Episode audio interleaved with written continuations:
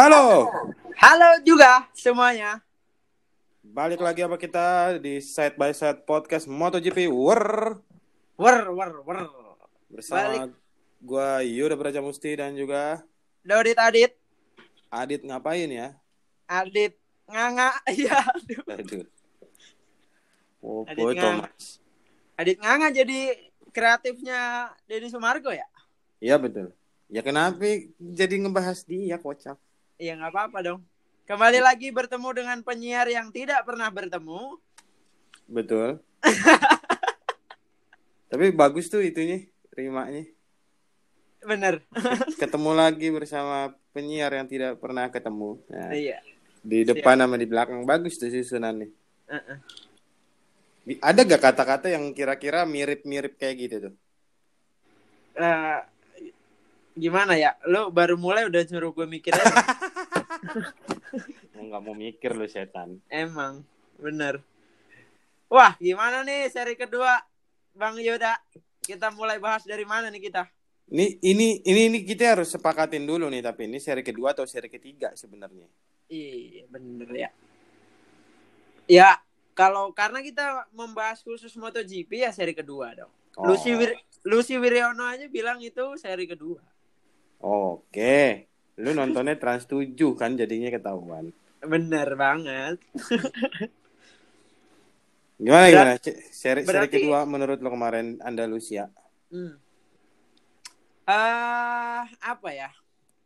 Pokoknya ini eh banyak banget kemarin yang bilang kan katanya Quartararo terus Rossi podium juga ini semuanya adalah hasil hibah. Hibahan. Iya, iya. hasil bener. hibah karena Marquez nggak ikut tanding di situ. Nah, itu lu gimana tuh? Bersepakat Ah. gak lu dengan statement-statement dari fans-fansnya Marquez yang nggak Iya, jadi deh. Hampir nyeplos. Ofe- ofensif ya, ofensif. Iya iya iya. iya. Nggak boleh nggak boleh. Kita harus netral. Ya, kalau kata gue sih ya, Bang Yuda. Kalau kata gue nih, maksudnya eh, jalannya kejuaraan itu kan sepanjang eh, apa ya? Jalan. Kenangan. Ya, se- se- selama satu musim itu ya entah lu entah lu Anjing lu ya, gue bercanda nggak ditangkepin. Aduh. Ya udah lu ngomong dah, lu ngomong dah. Beneran gak nangkep itu tadi, sorry, sorry. Kelewat, Bung. Kurang nih tektokan yang ibarat tektokan tapi nggak diselamatin ya. Gak apa-apa, nggak Main apa-apa. Emang, Main emang begitu. nggak dibenerin gitu ya. pemain-pemain double di badminton juga kan ka- kadang-kadang temen yang di depan kepukul gitu-gitu nggak apa-apa emang nggak apa-apa nggak apa-apa Iya, iya, iya. Mm-mm. Sepanjang jalan usah nggak usah udah kenangan. udah lewat semenit Udah udah lewat lewat, ya? udah lewat semenit lalu Timing timingnya nggak dapet ya. gimana gimana Eh, Lanjut. wak- maksud gue eh se- sepanjang seri MotoGP itu ya sepaket maksudnya ent- entah itu di balapan atau di luar balapan ya itu itu adalah bagian dari kompetisi gitu lo lo lo bertahan di di lintasan berarti ya lo yang lo yang terbaik pada saat itu gitu. Jadi jadi pantas-pantas aja nggak ada nggak ada hibah-hibahan. Walaupun ya mungkin kalau dengan hadirnya Marquez eh, tiga besar itu jadi kayak kayak misalnya Rossi gitu mungkin nggak ada kans gitu kayaknya. Tapi kan nggak ada yang tahu juga gitu di di jalannya pertandingan. Dan kemarin itu menurut gue MotoGP dari yang lomba balap kecepatan menurut gue berubah menjadi lomba daya ketahanan gitu. Iya Lah, iya. iya berasa itu- berasa. motor pada berjatuhan, eh, mesin pada gagal fungsi, terus eh, ya kelihatan lah selesai finish eh, di biasa kan eh, press conference eh, ditanyain statement-statement podium juga kelihatan banget capeknya gitu dan cuacanya emang eh, dari reviewnya juga terbilang ekstrim gitu panasnya. iya iya benar Untuk Tapi orang emang itu gue gua gua juga sepakat. 41 tahun bisa bertahan menurut gue ya layak-layak aja. Toh juga banyak yang muda di situ. Nah itu makanya gue sepakat soal lu ngomong tadi eh, ini kemarin tuh jadi kayak ke- kelihatan kayak lomba ketahanan gitu ya. Maksudnya Hmm. lomba endurance gue sih karena eh, ya itu ada benernya juga. Tapi kan maksud gue itu sepaket gitu loh. Ketahanan fisik lu, ketahanan tubuh lu, lu sebagai pembalap, Mm-mm. ketahanan mesin lu juga eh, Hmm. bagi para engineer-nya. Mm-mm. Terus ketahanan bannya juga harus dijaga. Maksudnya Iya. itu itu sepaket gitu kan, nggak Iya. bisa nggak bisa lu fisiknya doang gitu, tapi mesinnya nggak nggak tahan ya udah yang hasilnya kan jadi kayak kemarin Morbidelli kayak eh eh, kayak pembalap-pembalap Peko, yang akhir Peko, Peko. Eh, Bagnaya ya benar-benar. Itu kan akhirnya mes- mesinnya nggak tahan, fisiknya tahan padahal Mm-mm. gitu. Maksudnya ini sepaket. Terus yang tadi statement lu juga apa soal soal eh, ini tuh ya itu maksudnya memang memang ini tuh eh, kayak misalnya Marquez sekarang juara gitu. Marquez Ah. sekarang juara mulu gitu. Ya Iya. kan? 6 tahun ini juara mulu. Ah, itu hibah karena Rossi udah udah tua gitu. Ya, Ya. Ya nggak bisa gitu juga. Selama Rossi masih turun balapan berarti dia memang harus tetap ngejaga fisiknya gitu Hmm. kan. Iya, iya. Maksudnya emang memang nggak ada nih hibah-hibahan tuh menurut gue gue sih agak kurang sepakat juga dengan bahasa hibah-hibahan. Betul sekali. Makanya kan kenapa ketika Marquez itu kemarin eh, jatuh terus patah tulang ya udah itu memang udah resikonya dia nggak ada soal hibah-hibahan terus jadinya ke Quartararo terus podiumnya ke Rossi dan Hmm. lain sebagainya nggak ada ya karena Marquez di situ tidak menjaga apa namanya ya tidak menjaga dirinya untuk tetap bertahan di kejuaraan gitu kan. Betul sekali. Karena ya dilihat dari apa ya? eh, kacamata penonton lah. Maksudnya dia Nggak udah semua penonton pakai kacamata tapi Heeh. Tapi lu pakai kan? gue pakai tapi kan lu enggak Eh, gue pakai kalau nonton. oh bagus Jadi kalau dari kacamata kacamata penonton gitu ya, Marquez kan sebelum akhirnya crash yang high set itu dia Hmm. udah udah jatuh gitu loh. Harusnya eh, sebagai apa ya? Sebagai pembalap yang ini seri pembuka, gue nggak perlu maksain atau gimana lah kebijakan dan dan itu bagian dari kesalahan Marquez mungkin bisa kita sebut begitu ya maksudnya betul. eh, miss missnya Marquez di situ dia dia betul. nggak nggak berpikir bahwa dia akan eh, jatuh lagi gitu di titik yang sama lagi di tikungan yang sama. Berarti kan ya itu kelemahan yang ke- kelemahan dan kesalahan yang Marquez perbuat gitu. Bukan semata-mata dia gue pengen jatuh ah gue mau ngasih yang lain podium. Nggak gitu kan. Benar. Nah itu kalau hibah kan begitu bahasanya kan. Mm-mm. dia sengaja jatuh biar ngasih podiumnya ke yang lain. Nah itu baru hibah bener gak Mm-mm, betul sekali. Pun termasuk si Valentino Rossi gitu. Dia peak Hmm. performance-nya itu kan puncak-puncaknya waktu di umur 29 30 ya kan? Mm-mm. Waktu itu. Nah, itu kesalahannya dia adalah menurut gua kesalahannya Valentino Rossi yang paling fatal adalah umurnya bertambah. bener aduh kenapa dia nggak jadi zombie aja zombie ya pampir pampir Iya, maksudnya peak performance lagi di umur 30 kok nambah umurnya? iya Turun tunggu dong, tetap di 30 aja terus. Heeh, harusnya di situ aja. Dia nggak Iya. kepikiran tuh bang kayaknya bang. Kita japri Bener aja kan? pak. ya. Ide gua bagus kan? Mantep banget gila sumpah. Eh, tapi tapi gua lagi kepikiran sesuatu nih kalau ngomongin Valentino Rossi. Iya kenapa tuh? Dia kan tahun ini umurnya 41. Mm-mm. tahun depan katanya masih balapan. Gosip-gosipnya mau ke pindah ke Petronas atau Hmm. ya ke mana lah terserah dia gitu. Iya. Dan itu kabarnya ko- kontraknya juga dua tahun, nggak setahun. Tahu nggak soal itu? Betul betul. Kemarin Berarti kita kita udah bahas waktu ngomong. Benar. Berarti kan dia akan balapan sampai umur 43. Mm-mm. Lu lu kepikiran nggak sih jangan-jangan Valentino Rossi akan pensiun di umurnya dia 46. Bisa jadi, bisa jadi, Gila nggak sih? bisa jadi. Kita masih bisa nonton Rossi lima tahun ke depan santai.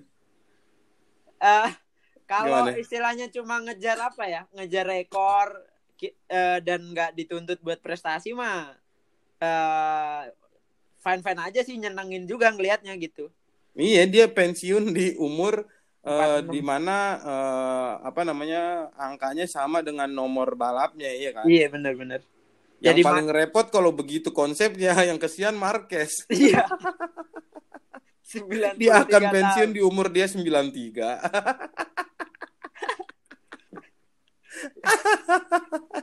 yang kasihan lagi Peko baru 9 tahun belum Oh iya benar. Benar. udah pensiun dia. Aduh. Tapi menurut gue ya itu kalau misalnya apa ya, eh, gue sih akan menikmati aja sih kalau misalnya memang dia mau balapan sampai 46 tahun gitu. Iya, tapi tidak bisa berekspektasi juga Iya, untuk iya. dia jadi juara. Jadi ya udah kita sebagai penonton ya dia apa ya sebagai sebagai pecintanya Valentino Rossi udah lu nggak usah ngoyo-ngoyo banget gitu umur udah tua lah udah. Iya. Gue cuma pengen nonton lu balapan, gue nggak pengen nonton lu fight sampai juara podium. Pokoknya lu balapan aja udah kita seneng gitu. Iya. Iya nggak sih? Heeh. Dan dan kadang-kadang eh, buat para fans-fans itu juga eh, ya udahlah gitu loh. Rossi kita Iya. R- Rossi kita tuh udah tua. Gue sebagai mau Udah tua, udah tua banget. Gila Ah, sih. Quartaro Quartararo itu 21 tahun, Rossi 41, separohnya maksudnya. 20 tahun separuhnya. Ya maksud gue Iya. gue sebagai sebagai wakil mungkin mewakili lah mewakili fans Wakil fans siapa? fansnya Rossi gitu maksudnya eh, buat teman-teman yang yang juga mendukung udahlah maksudnya nggak usah nggak usah didebatin gitu Rossinya Rossinya udah tua gitu Iya, benar, benar. Udah. Maksudnya terserah, nggak usah dipertanyakan lagi Rossi mau ngejar apa sih? Ngejar lawan yang di depan, udah gitu doang. iya Deh, itu aja ya jawabannya Nggak usah, nggak usah lu tanya dia ngejar apaan. Hmm. Tapi kemarin ya bang ya, gue sempet eh, nggak expect dia eh, bisa ngasih fight lah. Sampai Nah, ini dia. masih- Cakep masih- kan bridging gua? iya, eh. Ini yang pengen gua bahas makanya. Kemarin itu dia kan start bagus kan, bagus Iya, iya. banget. Nah, lu lu juga sempet WhatsApp gua tuh pas Hmm. pas baru-baru lap pertama. Iya. Ya, maksudnya Rossi start bagus, lo deg-degan gitu. Iya. Nah, itu itu kenapa, Bro?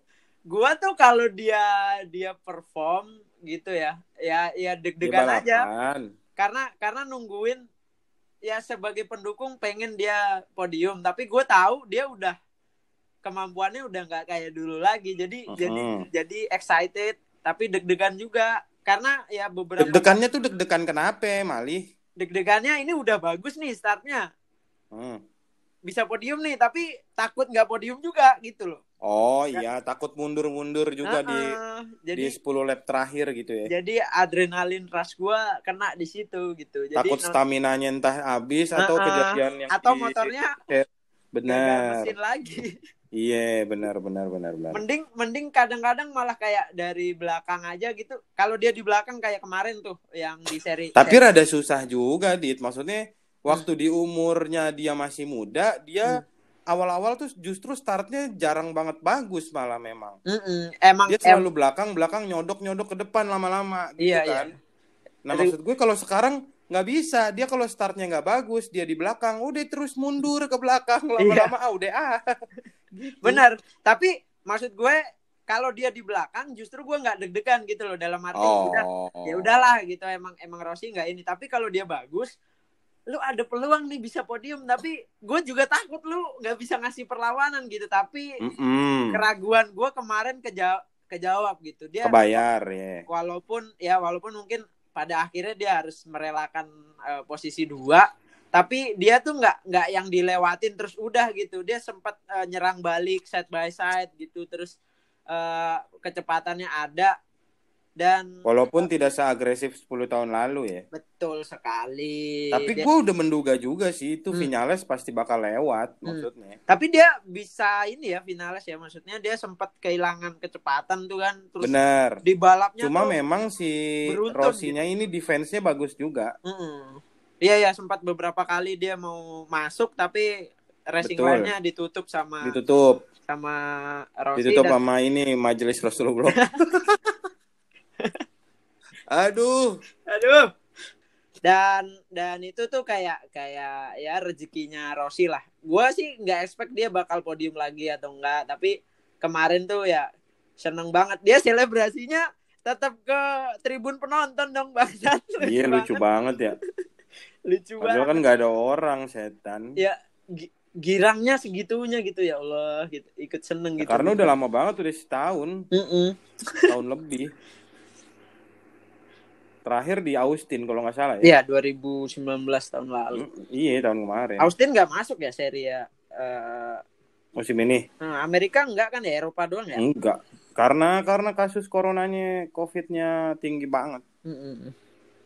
Tapi eh Mugello tuh nggak masuk ya? Kenapa? Mugello tuh nggak masuk ya? Seri Eh, tahun ini kayaknya nggak ada deh bang. Nggak ada nih. nggak ada ya? Nggak Emang ada. iya? Cuma Serius? San Marino. Oh iya iya. San Loh, Marino. kenapa nggak ada ya? San Padahal Marino dia di F1 masuk malah. Mm-mm, Si mak- Mugello ini malah masuk ke eh, ke seri tambahannya F1. iya. Mak- kenapa ya? Maksud gue Tapi di akhir tahun memang. San Marino kan eh Italia juga kan? Bukan ya? Ya ya negara kecil sih di di tengah-tengah Itali gitu. Hmm. Oh, jadi oh oke oke oke. Maksud gue karena San Marino kan namanya sirkuit Marco Simoncelli. Mm-mm. Jadi gue pikir itu tuh di Itali. Mungkin enggak, mungkin karena kebijakannya kayaknya beda, iya. Hmm, mungkin karena ya pertimbangan jumlah kasus COVID yang di Itali juga hitungannya banyak waktu itu jadi nggak dimasukin kali ya. Mm-mm. Jadi negara-negara yang istilahnya nggak nggak dapat zona hijau nggak diselenggarain nih katanya. Betul. Terus balik lagi ke Hmm. eh, apa namanya ke race kemarin gitu. Hmm. Nah, si Rossi itu kemarin gua baca Hmm. eh, apa namanya soal dia itu kayak baru eh, ada hal ada hal yang menarik gitu deh. Hmm. Jadi dia itu katanya baru menyadari soal eh, gaya balapnya gitu deh. Iya. Jadi dia ngomong kalau di seri Andalusia itu dia beradaptasi untuk eh, apa namanya ya? Mengubah gaya balap. mengubah gaya balapnya untuk ngikutin anak-anak muda. Terus maksud gue apa ya? Hmm, kenapa baru sadar di umur 41 gitu? Kenapa baru sadar sekarang? Sementara dia udah 10 tahun lebih gitu nggak nggak nggak juara dunia, Hmm. udah nggak juara nggak juara lagi. Kenapa dia baru sadar untuk mengubah gaya balapnya sekarang? Sementara Marquez yang lu tahu gaya balapnya sangat-sangat agresif, Hmm. Terus muncul Simoncelli juga ya gaya gaya gaya balapnya sangat agresif juga gitu yang Hmm. jauh berbeda sama gaya-gaya lama. Hmm. Nah Rossi itu kemarin baru ngubah state eh ba- ngerubah statement ngasih statement kalau dia ngerubah gaya balap eh, dan dia baru sadar untuk adaptasi. Kenapa baru sekarang gitu? Telat banget gak sih? Tapi tapi gue pernah denger sih bang kalau masalah gaya balap itu. Eh, Apa tuh? 2019 dia pernah ngomong juga kok kalau nggak salah dia dia Ngomong pernah apa? pernah statement kayak gitu juga jadi emang emang gaya balap saya eh, dengan motor yang sekarang jadi kan dia dia istilahnya sebenarnya dia pembalap paling beradaptasi di antara pembalap yang lain menurut gue karena Mhm. dia mengalami perubahan mesin MotoGP itu dari zaman yang Dari zaman dua tak malah. dua tak sampai yang eh, pakai electronic full. system Betul. Pakai Full electronic system elektronik. jadi jadi dia yang menurut gue paling adaptasi gitu karena yang Paling, pembalap paling adaptif lah ya. Hmm, paling eh, pembalap-pembalap sekarang kan dia megang dari ke- muda langsung udah megang yang pakai electronic system gitu. Betul. Nah si Rossi ini benar-benar eh, bisa bertahan dengan perubahan itu gitu dengan sepanjang berapa ya dia udah balapan berapa tahun berarti? Sembilan 21, 20, 20. iya dua 20 atau 21 tahun ya, gue It- lupa deh. itu yang profesional ya tapi dari kecilnya pasti dia udah udah eh, apa namanya grassrootsnya dia juga udah udah pegang pasti lebih kayaknya nah itu Iya 20 atau 21 juga di MotoGP maksud gue. nah itu itu itu kalau gue sih sebenarnya udah denger dari sebelumnya bang dia kemarin statement lagi emang tapi di sebelumnya gue udah pernah denger kalau nggak salah itu 2019an dia karena karena ya itu mulai banyak eh, apa namanya yang membahas soal eh, chassis terus nambahin apa tuh namanya winglet gitu-gitu kan akhirnya dia ngasih statement kayak gitu Iya Ah. tapi maksud maksud gue gini dit, maksud gue adalah eh ketika dia ngomong untuk meng, gue juga gue juga merasa dia itu pembalap yang sangat adaptif gitu. Hmm. Terlebih dia juga sangat jago untuk eh, setting motornya sendiri gitu, Hmm. untuk tahu di mana di mana kurangnya sama motornya tuh dia paham gitu. Gue tahu di- banget. makanya dijulukin the doctor Betul. Nah, cuma soal gaya balapnya ini semenjak kemunculannya Simoncelli dan Marquez, Stunner juga termasuk yang gaya balapnya agresif Hmm. menurut gue. Munculnya Stunner, Simoncelli dan Marquez. Nah, Hmm. menurut gue Rossi ini agak kurang agak telat untuk ngikutin gaya balapnya, Dit. Hmm. Ya, entah karena faktor umur, entah karena dia sudah merasa nyaman sama gaya balapnya, Hmm. jadi akhirnya ya udah gitu. Maksudnya Hmm. dia agak telat juga. Ya. Tapi tapi dari banyak statementnya dia yang dia bilang dia mau ngerubah gaya balap, kemarin itu yang paling berasa kalau gaya balapnya dia benar-benar berubah. Kalau lu perhatiin, Hmm. kalau lu perhatiin kemarin tuh dia berubah banget. Pun cara masuk tikungannya aja kelihatan banget bukan bukan Rossi banget nih. Hmm. Nggak nggak kayak Rossi biasanya. Iya, iya. Kemarin Agak tuh berasa beneran berasa kalau dia emang beneran berubah. Hmm. Tapi iya sih, gua kemarin sih nggak terlalu kentara, tapi memang gua ngelihat ada ada ada sesuatu yang dia coba di lintasan yang akhirnya itu juga ngebantu dia buat defense paling nggak nggak langsung Iya, lu dilewatin lu lah. perhatiin perha- lu perhatiin pas dia pas dia ngambil pas dia ngambil tikungan sih, Hmm. itu berasa bu- bu- berasa bukan Rossi yang selama ini kita lihat. Hmm. Makanya kenapa gue bilang defense-nya dia tuh bagus banget pas eh, pas di belakangnya ada Vinales. Hmm. Itu karena salah satunya karena perubahan gaya balapnya dia gitu. Hmm. Makanya gue gue justru pertama gue seneng seneng banget ih Rossi Rossi mau gitu ngerubah apa keluar dari zona nyaman lah istilahnya. Tapi yang kedua lu udah terlambat jauh bos umur lu udah 41 gila. Hmm. Kalau ini lu lakukan mungkin 7 5 atau 7 tahun lalu lu bisa dapet juara dunia Ke 10 gitu. ke 10 dari kapan tahu iya Hmm. maksud gue sekarang udah ya udah nggak bisa ngapa-ngapain tetap aja cuma kans untuk dia ada di depan menurut gue jadi lebih terbuka aja Hmm, sekarang lu istilahnya kalau mau naruh Rossi di eh, eh, lima lima besar mah ada lah, ada ada Bener. ada, ada nama itulah gitu ya. kemarin pas press conference eh, sebelum re- eh, sebelum seri 1 sebelum seri Jerez Hmm. eh, itu kan nggak ada nama Rossi tuh di prediksi yang pembalap-pembalap itu Hmm, tahu kan lu Iya, bahkan iya. di di Rossinya aja nggak ada nama dia juga kan iya ya. Nah, gue tuh hampir bersepakat untuk hal itu sebenarnya. Kayaknya Rossi emang udah nggak masuk ini mah lima besar. Sampai akhirnya lu ngelihat gaya balap yang Bet- dirubah kemarin. Betul sekali. Pas gue ngeliat gaya balapnya Rossi kemarin, gue feeling gue Rossi sih ini mah pun bahkan tiga besar aja gue masih percaya dia akan bisa gitu Hmm. untuk di tahun ini. Asalkan dia eh, terak kemarin adalah eh, apa namanya kejadian terakhir dia kesalahan mesin ya. Jadi Betul. se- settingan settingannya dia kan apa ya abis abis sepang class dia selalu istilahnya bergelut sama settingan mesin kan Mm-mm. jadi eh, kalau dia disupport sama settingan mesin yang mantap gaya balapnya yang kemarin dia pertahanin lo berani untuk untuk istilahnya naruh nama nama Rossi di lima besar gitu ya. Di tiga Bahkan besar bahkan. bahkan tiga besar Betul sekali. Iya, iya. Tapi ya kata gue ya, kalau lu ada pertanyaan kenapa akhirnya baru sekarang, mungkin ya itu proses dari apa ya? eh namanya manusia tuh pasti ada pertarungan ego gitu. Dia dia selama ini dengan gaya balapnya dia dia bisa bertahan, tapi akhirnya ya sama Atau kayak, dia merasa bisa bertahan. Heeh, sama kayak idealisme anak muda gitu. Dia ngerasa nggak pengen jadi PNS gitu. Tapi akhirnya kebutuhan ya mau nggak mau jadi PNS juga akhirnya gitu. Tai ledik. Jadi mungkin mungkin Lu Rossi jangan juga- curhat dong setan. Jadi mungkin Rossi juga juga ngalamin hal itu gitu ketika dia ya gua gua dengan gaya balap gua gua masih bisa bersaing. Waktu itu masih muda gitu, tapi sekarang udah kemakan usia. Eh, gua menutup usia gua harus mengubah gaya balap mungkin gitu. Karena dia merasa masih ada di kompetisi ini gitu sebagai pembalap yang turun ke lintasan gitu. Akhirnya dia dia mulai mulai berpikir ya mungkin sebenarnya dia udah kepikiran dari lama cuma akhirnya berat mengambil keputusan untuk untuk ngerubah ya ya ya kemarin gitu Hmm, baru sekarang. di tahun ini.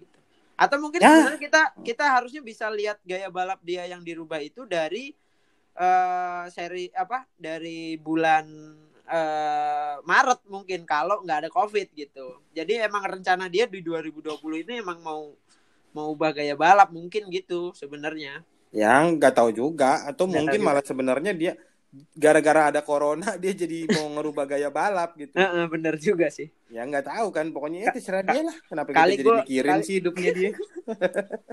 Anjing kita kan di sini emang buat bahas, Bang. Oh iya ya, emang buat mikirin hidupnya dia ya. Untuk Oke. dibahas.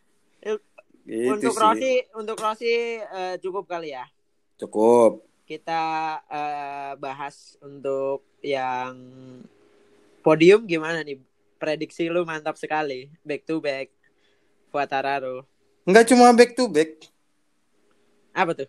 Prediksi gua Quartararo, Vinales, Rossi atau Dovizioso. Mantap. Gokil gak gua? Cenayang, cenayang. Lu juga hampir cenayang sebenarnya, cuma ketuker posisinya. Ketuker aja, ketuker. Iya. Ya biar seru lah. Cuma jangan disuruh nebak lagi besok pasti. kalah. emang hoki aja, emang hoki. Mm. Tapi kita lihat dulu dari ya, minggu depan ya. Jadi kita Enggak dong, minggu dep- minggu ini enggak ada. Oh nggak ada. Istirahat Minggu ini dulu. super baik kita. Hmm.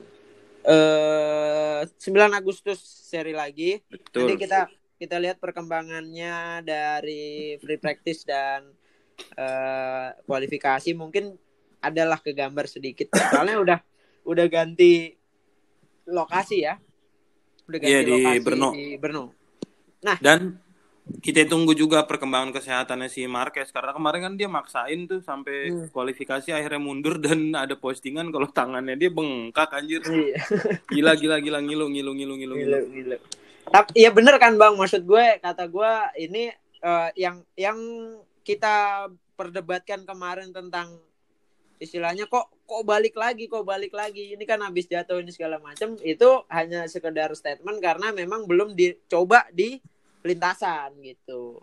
Tapi masalahnya waktu free practice catatan waktunya dia masih masih bisa di atas pembalap-pembalap ya kayak modelan Lekwena, Hmm.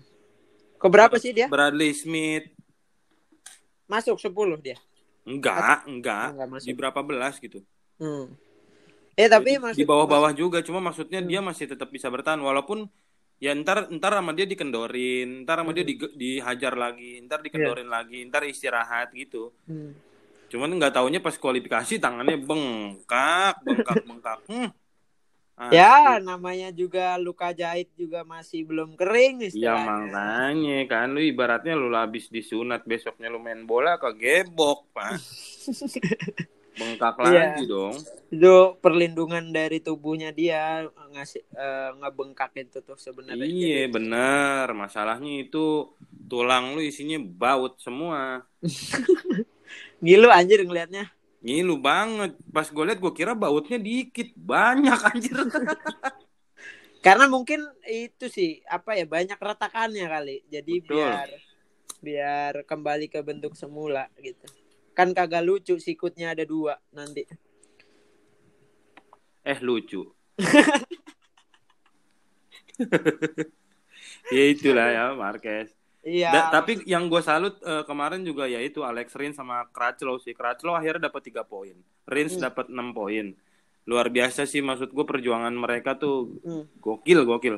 Nah itu bang kemarin yang pengen gue bahas tuh maksudnya si si kar kar Kratzlow itu sampai istilahnya sempat ganti motor karena saking Sempet. banyak saking banyaknya yang eh, mechanical eh, problem sama banyak yang jatuh jadi sisa pembalap tuh cuma 13 yang bertahan Betul. di lintasan.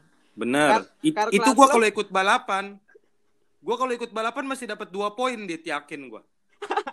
Kar gue finish ke 14 nggak apa-apa udah ke Nggak overlap apa-apa sampai di 17 overlap lap. nggak apa-apa ya. Enggak apa-apa.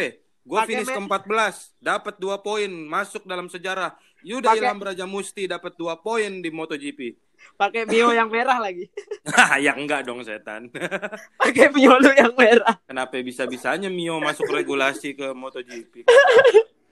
Iya itu maksud gua saking makanya gue bilang kenapa ini eh, balap ketahanan dan menurut gue semua pembalap layak karena ya yang lain buktinya nggak bisa bertahan gitu. Walaupun nggak ada Marquez gitu. Nah itu makanya gue kesel sama Repsol Honda. Kenapa Repsol Honda nggak kontak gue aja sih? Lumayan Repsol Honda dapat dua poin itu. Hmm. Kagok nggak Gila nggak kepikiran gue Repsol Honda. parah. Parah. Padahal- Padahal ponakan gue juga pembalap loh. nggak dihubungin juga. Enggak emang. Gila, gila.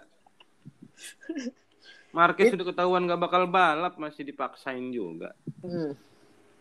Itu Jadi- Alex Rins, Carl Crutchlow, Carl Crutchlow tadinya gue pikir dia emang dia emang ini emang ah capek gitu maksudnya sakit tangannya gitu nggak taunya ih Ya ya karena dia merasa ya gue tinggal bertahan doang ini. Iya, benar. Sampai sempet ganti motor loh. iya walaupun emang gapnya Masih jauh banget akhirnya Iya. tapi finish ke 13 dapat 3 poin Hmm.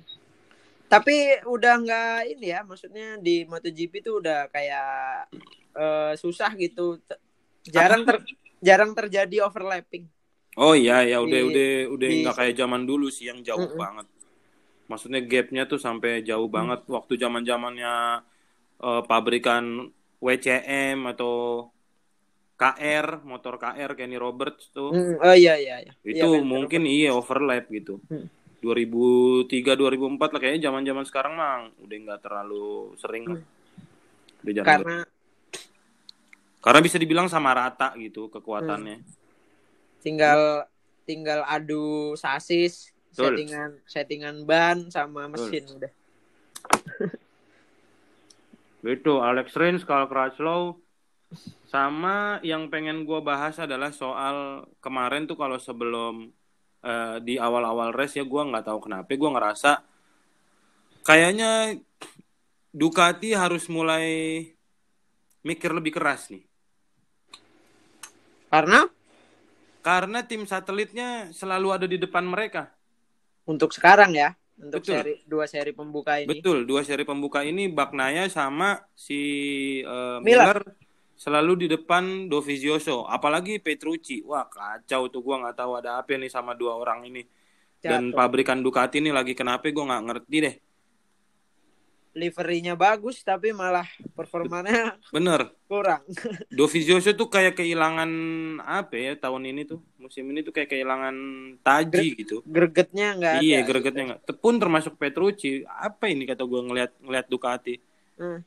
Ke, keberad hawa keberadaannya hilang gitu padahal Betul. padahal dia harusnya masih layak untuk eh, bersaing di Bener. di championship gitu Mm-mm. umur, umur dari umur dan eh, apa namanya kemampuan dia balapan tapi faktor dia cedera itu pengaruh nggak atau ini Ya oke. I- menurut lo pure mesin aja yang yang kayaknya jadi PR banget buat Ducati Kalau faktor cedera kan berarti kan Dovizioso seorang kan?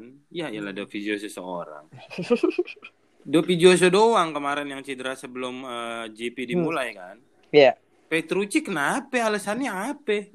jatuh kemarin kan dia Ya tapi maksudnya jatuhnya begitu, maksudnya dia nggak punya cedera parah, kok na- kenapa ada di papan tengah gitu loh? Maksud Hmm. gue bikin malu aja. Peko sama si Miller bisa kok walaupun ngelawan, ke depan.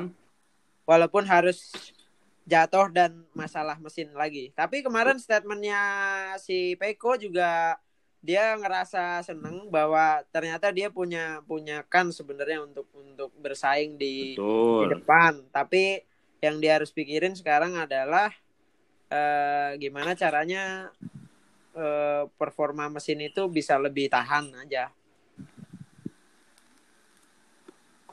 KTM juga luar biasa, gue juga tepuk tangan, gue standing applause juga buat Nakagami juga, buat Yoi, Paul Espargaro juga Nakagami. yang Dia ke- masih Dia keempat loh yoi Intinya. Nakagami keempat dan untuk untuk championshipnya poinnya. bahkan bahkan ya, nah ini nih, iya championship juga ya. Kemarin juga finish keempat juga kan? Mm-mm, finish keempat, total Iya. poinnya juga keempat sama Paul Espargaro sama 19 poin. Nah Nakagami tuh kalau kemarin kayaknya masih ada tiga lap, gua feeling gue dia yang akan podium sih, Rossi yang kegeser. kalau masih ada tiga lap lagi aja tuh, Rossinya udah udah kemakan umur. bener Rossi yang udah ngap tuh. Hmm. Capek dia Pak nyender kemarin di podium. Di di apa tuh yang yang pit pit eh, apa pedok pedok motor yang yang buat podium nyender dia rebah rebah capek banget aki-aki ya Allah Ya udah empat satu harus udah berkebun aja dia. Hmm. kawin kawin dulu dia belum Oh iya benar kawin aja Nikah. belum. ya. Gimana dia kalau tiap ini apa tuh Tiap bukber tahunan nggak ditanyain sama teman-teman nih. Empat satu belum kawin juga anaknya udah pada SMP anak-anaknya. Eh teman. anaknya dia udah bal- anaknya teman-temannya dia udah pada balapan kali juga Iya bener. Sampai ketemu Rossi lagi ntar. Kan Quartararo 10 tahun lalu masih foto bareng sama Rossi. parah seneng Sekarang banget di ya Satu di satu satu ini yang satu kelas. Hmm. Gila. dan pembahasannya gitu ya mudah-mudahan nggak sama kayak yang itu ngakunya fans tapi ntar jadi musuh kenapa dah netizen tuh Lucu banget ya emang. lucu banget kemarin anak buahnya Rossi juga kocak udah finish malah jatuh tabrakan Marini sama Apa BZC ya. itu itu paling lucu sih. Ada dua kejadian lucu sih. Pertama yang Vinyales salah motor. Iya. ya Allah Lucu Itu- banget sih itu. itu lucu. Tapi itu komennya kocak. si Zarko itu yang lucu, yang lebih lucu. semuanya pengen eh, mimpi Pengen so- pembalap semuanya pengen ngerasain duduk di motornya Rossi Betul anjing sih itu lucu banget sih. kayak kayak kayak makin ngecengin gitu iya nggak Iya. apa kata istilahnya iya nggak apa-apa gue juga pengen kok gitu nggak apa-apa salah nggak apa-apa gitu Gila sih emang lucu banget Zarko emang. Goks. Apa Tapi- itu apa itu pakai admin dia gua nggak aduh pakai komedi konsultan dia Mm-mm. buat buat komen doang buat komen doang. Sama itu udah sama Marini sama BZC juga lucu banget. itu si si ini juga si apa namanya? Quartararo gaya-gayaan pengen eh, mecah eh bukan Quartararo nih siapa, siapa ya pembalapnya Rossi juga emang banyak tingkah nih anak muridnya Rossi dia mau selebrasi Hmm. pak gayanya mau kayak F1 gitu jadi eh, ngetok botolnya ke lantai gitu terus muncrat ke atas gitu eh Anjing pecah gua nggak- gua nggak lihat ada ada ada di podium. Mo- Moto3 si Calestino Vietti Oh Vietti, iya iya. Mm-mm. dia podium kan Ah, dia masih bocah banyak banget tingkah. Pecah tangannya 6 jahitan konyol Oh, anjing. yang diperban itu ya. Heeh, Itu cederanya dia. cederanya nggak balapan anjing. pecah botol Cedera kena goblok, beling cedera goblok. kena beling Pembalap cedera kenapa? Kena beling anjing. Aduh.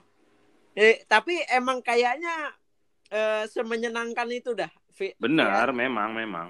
VR 46 tuh ngebangun pembalapnya gitu Betul. maksudnya eh, secara Kalau secara kekeluargaannya juga sih. secara kemampuan balap men- ditingkatin, secara personality nih bakal jadi calon-calon yang mungkin nanti ke depannya bakal menghibur di eh apa namanya? Masa depan. di apa namanya? Ya nggak Di tahu pers- apa. di championship gitu kalau mereka jadi Oh. sosok pembalap yang diunggulkan tuh mereka juga bisa menghibur gitu dan Iya, itu iya. kan Rossi banget gitu. Rossi Benar, benar. dari dulu selalu mewarnai race itu dengan selebrasi selebrasi tingkahnya eh, gaya dia apa namanya press conference gitu. Istilahnya dia bisa statement yang bikin statement itu besok gimana jalannya pertandingan seru nih gitu. Ya kayak gitu-gitu kan karakteristik pembalap dan nggak nggak semuanya bisa kayak gitu. Kayak kayak Jorge gitu kan dia juga bisa tuh istilahnya ngeladenin statement ka- Kraslo gitu bisa ngeladenin statement yang yang itu tuh bikin jalannya balap yang yang bakal kejadian tuh juga ditunggu-tunggu nih dia statement gini nih statement gini itu kan mempengaruhi dan itu itu bagus untuk daya jual sebagai pembalap Peko kan Industri. Mm-mm, Peko kan juga lulusan VR46 Betul. Peko, Eko Bagnaia. Morbidelli. Mm-mm. Morbid Morbidelli kemarin hampir loh anjing anjing Nah, Hampir- makanya nih balapan tuh sama Rossi ngomong-ngomong apa namanya ngomong-ngomong soal uh, VR46 ini timnya Valentino Rossi yang ada di Moto3, Moto2 gitu kan. Mm. Iya kan? Iya. Ngomongin Sky soal, soal VR46 ini timnya Rossi yang ada di Moto3 dan Moto2 di minggu depan itu kan MotoGP libur nih. Ya. Eh minggu ini sorry sorry minggu ini eh, MotoGP libur. Hmm. Eh, tapi bakal ada balapan superbike jadi gue pengen nantang juga lu buat ngebah kita ngebahas eh, nggak nggak superbike-nya tapi kita bahas soal eh, Kans Galang Hendra yang bakal turun di World Super Sport 600 yang lu harus tahu adalah Galang Hendra pernah pernah juga eh, apa namanya eh, Sparring, sparring. sparring untuk di VR46 Academy di range-nya Valentino Rossi jadi Oh, bisa dibilang ya. dia salah satu murid murid inilah murid magang di murid magang di VR46 Academy. Oke, jadi kita bahas di episode selanjutnya soal Galang Hendra yang akan tanding di World Super Sport 600 cc. Terima kasih buat teman-teman yang sudah mendengarkan side by side podcast MotoGP. Wer, sampai ketemu di episode selanjutnya. Grr.